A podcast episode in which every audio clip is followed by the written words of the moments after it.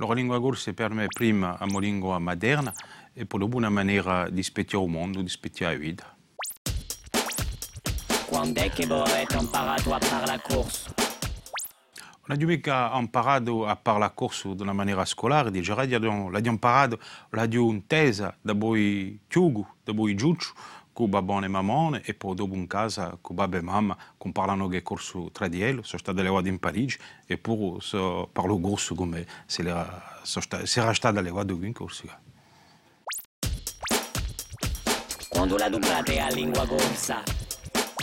Di maniera generale in un luogo professionale, posto che è un mestiere di giornalisti, di giornalisti corsofono, di radio, ma di noi ben inteso con amici e in famiglia.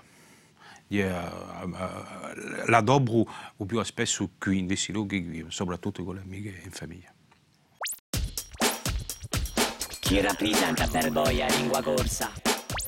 Oh, ti dico una maniera di, di, di specchiare il mondo, una maniera di, di esprimere una cultura oh, e poi tutto ciò che rinvia di noi a Zidelina in, in isola durante le vacanze, eh, perché la maggior parte di, di, di Zidella all'epoca eh, usavano il corso come una lingua moderna.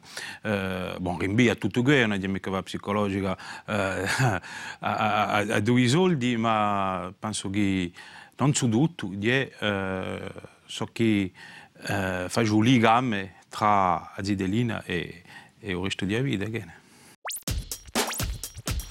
Dite bene di lingua corsa? Se ragiona, dice radio che l'affare è cattivissimo. La lingua corsa è in cattivo stato, non sono mica sicuro che malgrado tutte le misure potremmo salvarla.